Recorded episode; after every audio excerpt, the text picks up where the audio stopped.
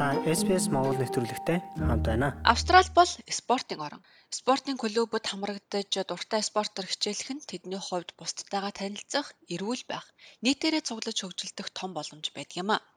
Энэ удаагийн оршин суух хөтөч булангаар Австрал дахь хамгийн нийтлэг спортуудын тухай товч өгүүлэх болно.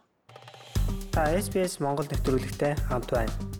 Австрали дүрмийн хөл бөмбөг за энгийнээр бол фути бол Австралийн хамгийн нийтлэг спорт юм. Анх 1850-ад оны сүүлээр Виктория мужид дүрмэн гарч крикетийн тамирчдыг өвөл форма алдуулахгүй тулд тоглуулдаг байжээ. Харин өнөөдрийн байдлаар улс даяар 1.2 сая гаруй тамирчин энэ спортоор тоглодог. Эрэгтэй эмэгтэй багуу тоглож болдог. Австралид хамгийн олон хөгжөөн жимдэгчтэй спорт юм а. Australian Football International буюу AFI нь энэ спортыг олон улсын хэмжээнд хөгжүүлэх Австралийн олон соёлт нийгэмд хүргэх зорилгоор байгуулагдаж байсан юм а. Энэ байгууллагын CEO Brian Clark хүмүүс олон нийтийг спортоор дамжуулан хүчирхэгжүүлэх зорилготой бөгөөд бүх хүнийг нэгтгэхийг урьж байна. So whether you're from South Africa. Та Африк, эсвэл Америк, Аз, Европ хаанаас ч ирсэн хамаагүй бидэнтэй нэгдэж фути тоглоорой. Бид танд яаж тоглохыг нь зааж өгнө. Та хаанаас гаралтай энэ спортыг мэддэг мэдхгүй, чаддаг чадахгүй байх нь хамаагүй.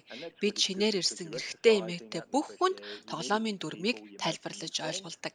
Цэвэр агаар тасгал хөдөлгөөн хийж шинэ хүмүүстэй танилцаж, шинэ найзуудтай болох аюулгүй спорт юм шүү and you're not having your head ripped off. Түүний хэлж байгаагаар Австрали хөл бөмбөг олон нарийн дүрмтэйч хамгийн эрх чөлөөтэй спорт гэж тодорхойлогдож байна. Австрали хөл бөмбөнд бусад спортуудаас ялгаатай нь олон спортыг багтаасан байдаг. Баг зэрэг хөл бөмбөг, регби, тэрч байтугай сагсан бөмбөгийн зарим элемент багтдаг. Гүйж байхдаа бөмбөгийг цохиж болно. Бөмбөгийг таавахдаа гүүх үү, өшгөлөх үү, гар бөмбөг хийх үү, өсрөх үү гэсэн олон сонголттой. Тэнд э, хаалгач гэж байхгүй, хүн бүр хаалгач гэж болно. Тиймээс энэ тоглоомын хамгийн сайн тал нь эрхчлөө. There are no goalkeepers. Everybody can be a goalkeeper basically. So the freedom of the game is probably one of its best features. AFI-ийн нэгэн томоохон хөтөлбөр бол Мельбурн хотод болдог Harmonies Cup. Жилбэр болдог энэ тэмцээнд Австралид амьдардаг цагаач гадны иргэд өөрсдийн орны далбаан дор баг байгуулан оролцдог юм а. 2004 оноос эхлэн Албани, Грек, Израиль, Итали, за Ливан, Македон, Само, Өмнөд Африк, Танго, Вьетнам гэх мэт орнуудын багийг байгуулан хөгжүүлж байгаа юм байна. Фүти тоглох нь зөвхөн таны сонирхол, хобби төдийгүй таны биеийн сэтгэл зүйн эрүүл мэндэд маш том хөрөнгө оруулалт болж та Австралийн тухай илүү ихийг мэдэж өөртөө ихтэй болтгоо. Австралид нийтлэг тоглогддог дараагийн спорт бол хөл бөмбөг. Бяла гэдэг эмэгтэй Сидней Юнайтед 58 футбол клубт хагас мэрэгжлийн клубын тоглогч хэдгээ. Хэвлийн салбарт менежерийн ажил хийнгээ хажуугаар нь энэ спортоор олон жил хичээлжээ. Бэла бол зөвхөн спорт биш, энэ клубээс маш олон төрлийн арга хэмжээ зохион байгуулдаг. Би эндээс олон улсын олон соёлыг сурсан. За бас олон орны найз нөхдөдтэй болсон хэмээн ярьж байна. Жил бүрийн 5 дугаар сарын 30 бол миний төрсөн нутаг Хорватын үндэсний тэмдэглэлт өдөр болдог. Энэ өдрийг манай клубийнхэн хамт тэмдэглэж, хүүхдүүд үндэсний хувцас өмсөж талбай дээр гарсан нь миний сэтгэлийг маш их хөдөлгсөн. Энэ мэт олон үндэсний баярыг бид хамтдаа тэмдэглэдэг ties that they have back home. Нас насныхан зориулсан хүүхдийн ангиуд эцэг эхчүүдэд шүүгч дасгалжуулагч болох хөтөлбөрөгч Football New South Wales санал болгодог байна.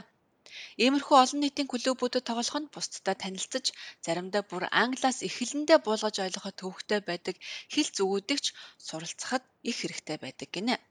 Түүний явдаг Sydney United 58 стадион нь 12 мянган хүний багтаамжтай бүтэн сайн өдөр болгон бүх нийтэд зориулсан тэмцээн ямар нэгэн арга хэмжээ зохион байгуулдаг юм байна. Австралийн спортуудаас танилцуулах дараагийн спорт бол крикет. Никол Ленор Жордан бол The Bears гэж танигдсан North Sydney Cricket Club-ын удирдах зөвлөлийн гишүүн. Австральд бараг 4000 шахуу ийм клуб байдаг. Тэгэхээр та өөрийн нас туршлагаас хамаарат дуртай клубээ сонгоод орж болно. Бас өөрийн клубээ ч байгуулж болно. Гэхдээ өөрт ойр аль хэдийн байгуулагдсан клубт орвол багш дасгалжуулагч хайх, бөмбөг тоног төхөөрөмж авах гэх мэт зардал гаргахгүйгээр өөрийн багтай болох боломж байдаг. Гэхдээ тухайн клубтээ хувь нэмрээ оруулж зарим тоног төхөөрөмж авахт нь хөрөнгөөр туслах хэрэгтэй болж магадгүй юм а. Each club is different in terms of buying Клуб the бүхэн өөр байдаг. Гэхдээ ихэвчлэн та and мөнгөө with төлж that крикетийн цамц болон бусад to авдаг.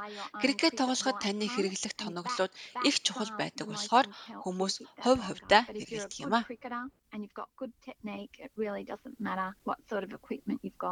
Крикетийн спортыг удирдах тодорхой дүрмүүд бий. Гэхдээ энийг дүрм гэхээс илүү хууль гэж нэрлэдэг. Одоогийн байдлаар 42 хууль крикетэд үйлчилж байна. Харин одоо регбигийн тухай ярилцъя. Австралийн маш олон хүн хичээлдэг спорт бол регби. New South Wales Community Rugby League Manager Петер Кларк та бид ярилцлаа. Энэ клубын хувьд олон үндэстнүүдэд зориулсан хөтөлбөр хэрэгжүүлдэг тухайга ингэж ярьж байна.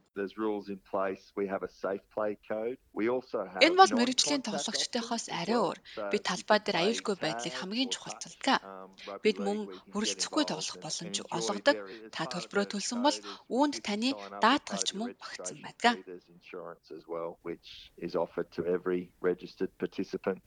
Харин та спортоор хичээлэх төдийлд сонирхолтой дуртай биш бол олон нийтийн спортын клубт сайн дурын ажилтнаар элсэж болно.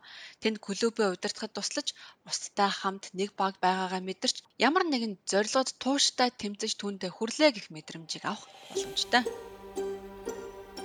Австрали улсад байгаа бусад монголчуудтайгаа холбогдоорой. SBS.com.cg-ийг урагшаа зураас Mongolian хуудасаар зочлоорой.